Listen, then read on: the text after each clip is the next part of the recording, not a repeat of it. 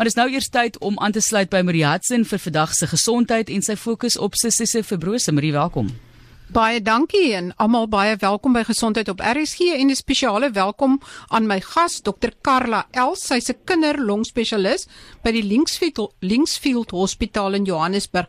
Baie welkom Dr Els. Goeiemôre Marie, baie dankie. Dr Els, ons gesels ver oggend oor sistiese fibrose. En maar presies wat is sistiese fibrose? Want aan die een kant het dit iets te doen met ensieme en aan die ander kant het dit iets te doen met jou longe. Nee, definitief en ironies genoeg, ek dink dit dit tel eintlik nog meer as dit. Maar ek dink vir die vir die leuke persoon daar buite is dit definitief die kruks van die verhaal. Dit is ongelukkig die algemeenste genetiese siekte onder ons blanke populasie in Suid-Afrika en ek dink min mense besef dit. Met ander woorde, dit is 'n genetiese siekte. Jy kry 'n geen van mamma en van pappa af en as albei hierdie gene dan nou met kans oorgedra word aan die kind, dan het jou kind nou sistiese fibrose. En ons sê klassiek dit is 'n kind wat hy groei nie goed nie, hulle kry longinfeksies. So dit is 'n siekte wat jou hele liggaam aantas en spesifiek 'n genetiese siekte. So ehm um, natuurlik is daar nou baie ander simptome wat wat ehm um, deel is daarvan, maar ek seker ons gaan later daaroor uitbrei.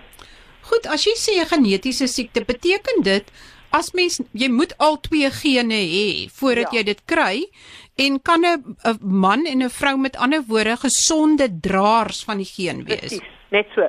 Uh, weet ironies is jy gaan nie jy gaan nie noodwendig weet dat jy daar is as jy nie so 'n familielid in jou familie het en jy dit nou al vooraf weet bewus is van die geen nie.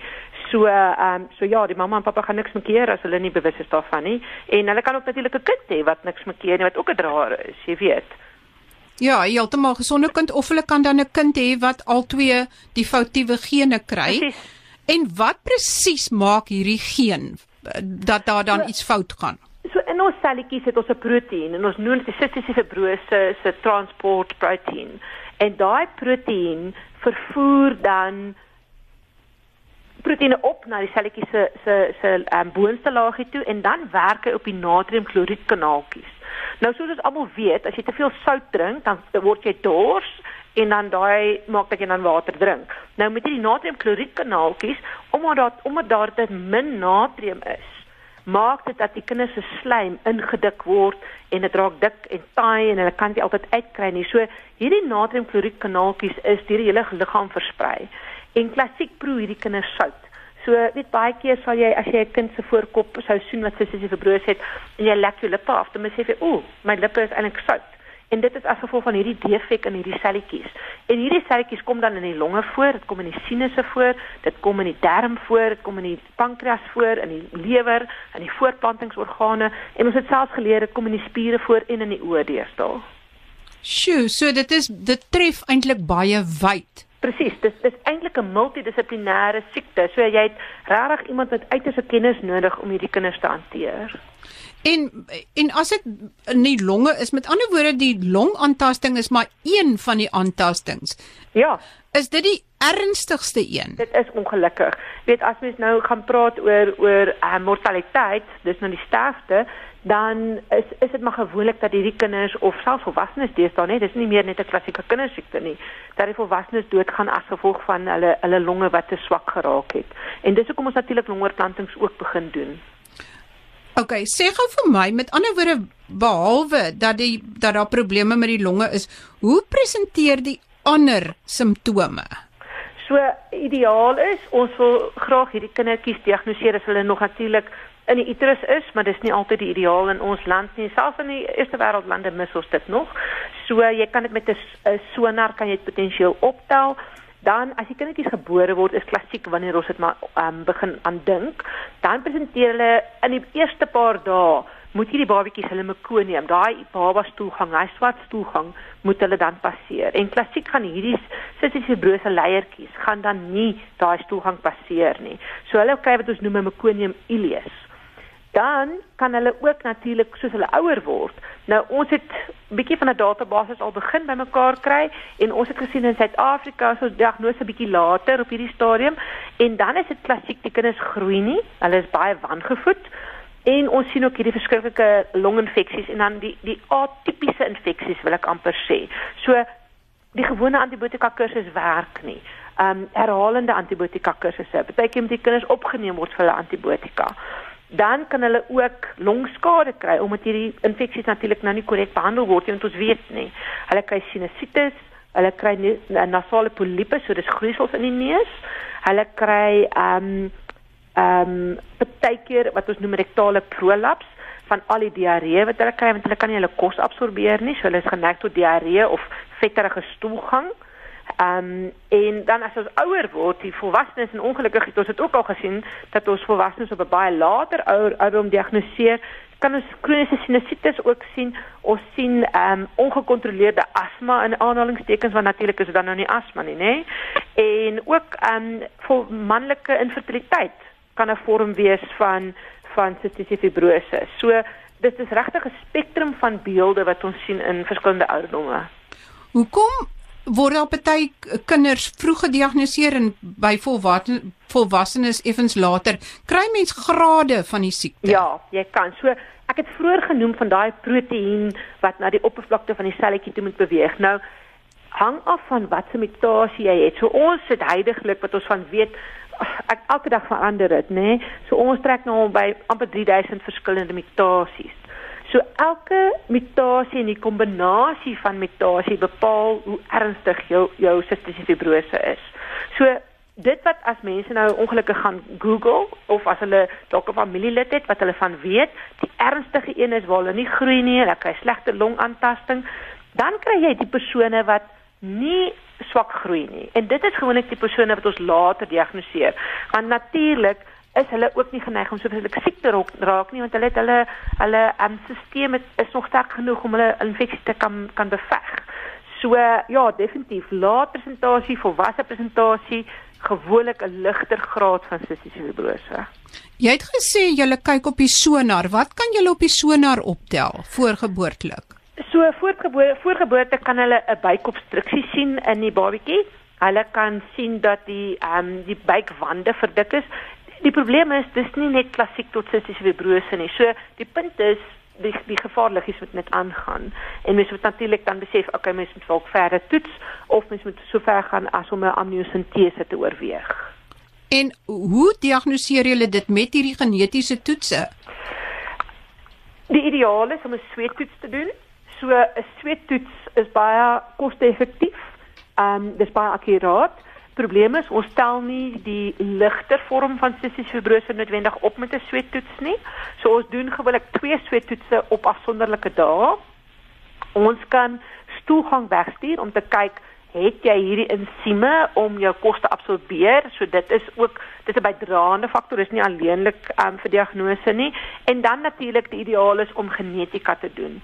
Probleem in Suid-Afrika is ons het regtig 'n unieke genetiese pool ons is 'n kombinasie van Afrika gene, Europese gene en so meer. So as jy regtig wil weet, moet mens in die agterkop hou jy moet spesifieke gene aanvra wat spesifiek van toepassing is op ons populasie. Nou uit daai 3000 verskillende geenmutasies, hoeveel is van toepassing op Suid-Afrika se mense?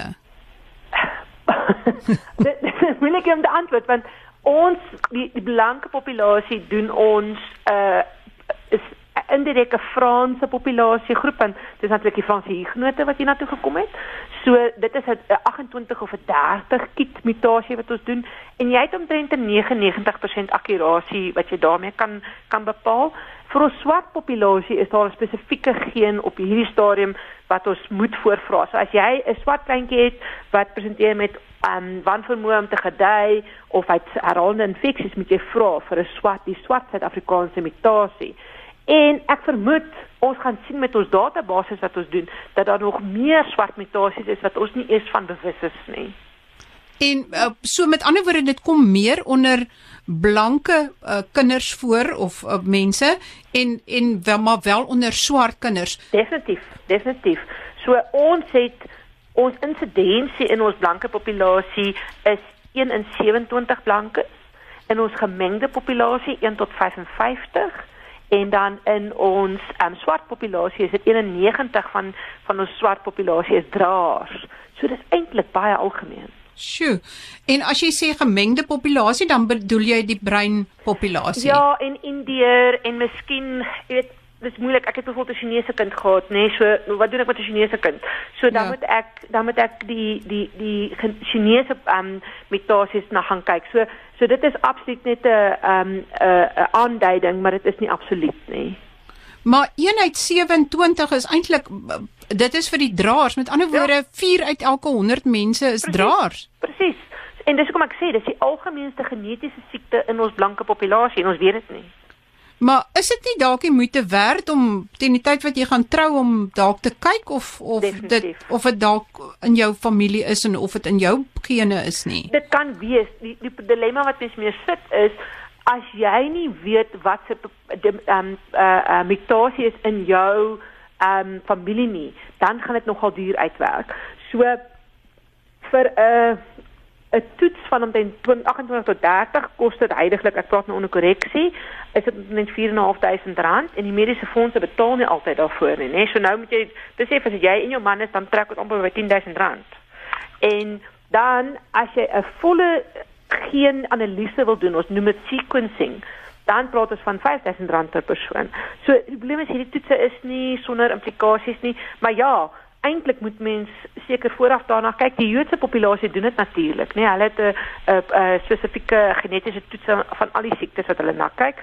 So miskien moet ons blankes ook dalk daarna kyk of die teendeel is waar ons moet begin kyk na wat ons noem neonatale ehm um, siftings ehm um, programme want dit is natuurlik ook waar mense dit kan optel vroeg. Ongelukkig gaan die kind dit dan al reeds hê, nê?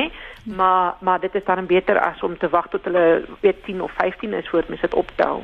Dokter El sê maar mens die ouers stel vas hulle is elkeen is 'n draer en daar is met ander woorde 'n kans dat die baba as hulle 'n kind gaan hê dat die baba dit kan dra.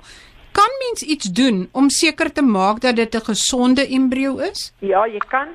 Weer eens dan nie my veld van ehm um, belangstelling nie, maar ek weet hulle kan op die die sperm en op die die eiertjie kan hulle die ehm um, sien normale delta F508. Delta F508 is die algemeenste mutasie onder ons blanke populasie.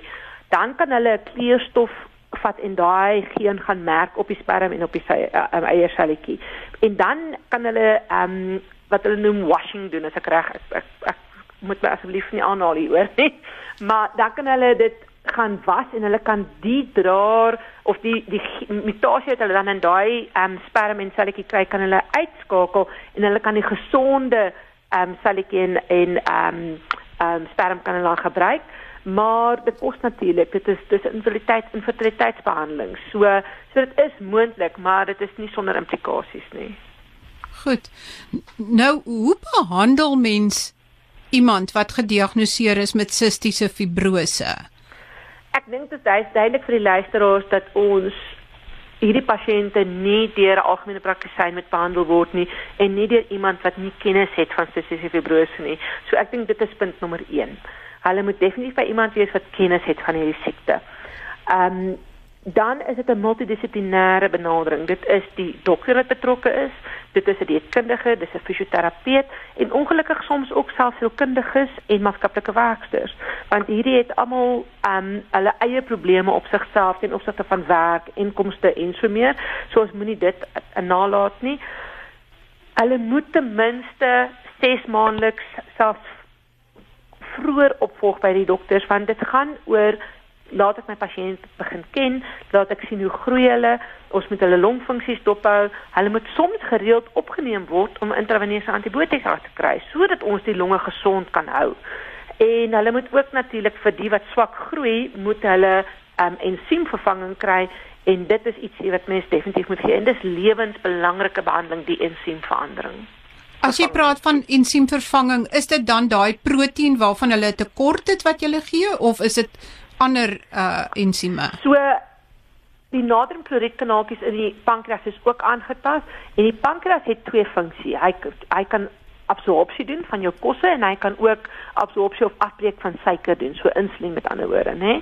So die absorpsie van die kosse is afhanklik van ensieme en dit is pankreatien. Nou in sistiese fibrose, die klassieke vorm van sistiese fibrose, die algemene vorm, het nie pankreatien nie. So hulle drink 'n kapsuletjie saam met hulle kos en in die kapsule is daar hierdie ensiem en daai ensiem absorbeer vette en proteïene. Ehm um, maar dit vervang ongelukkig nie die proteïene in die selletjie nie. dit is nie dit is nie wat daai um ensiem doen nie. Dink jy dit sal ooit op so 'n punt kom wat mens daai proteïen wat hulle kort, wat die wat die geen dan nie laat kodeer voor nie? Nee, definitief. Um kyk as ons gaan kyk heidaglik wat aangaan in die navorsing is daar die Amerikaners het heidaglik definitief um medikasie dit verander dit wenig die die die die proteïene maar kan dit korrigeer So daar's 'n algemene mutasie onder ons Joodse populasie en daar's al reeds behandeling daarvoor, maar dit is ongelooflik duur. Ek praat onder korreksie, maar ek dink dit is iets soos 100 000 dollar 'n maand. Dit is dit is onbekostigbaar. Dan is die die Engelse besig met wat ons noem geenterapie. Nou geenterapie gaan dan natuurlik die genetiese defek herstel. En as jy genetiese defek herstel, dan is al die simptome weg.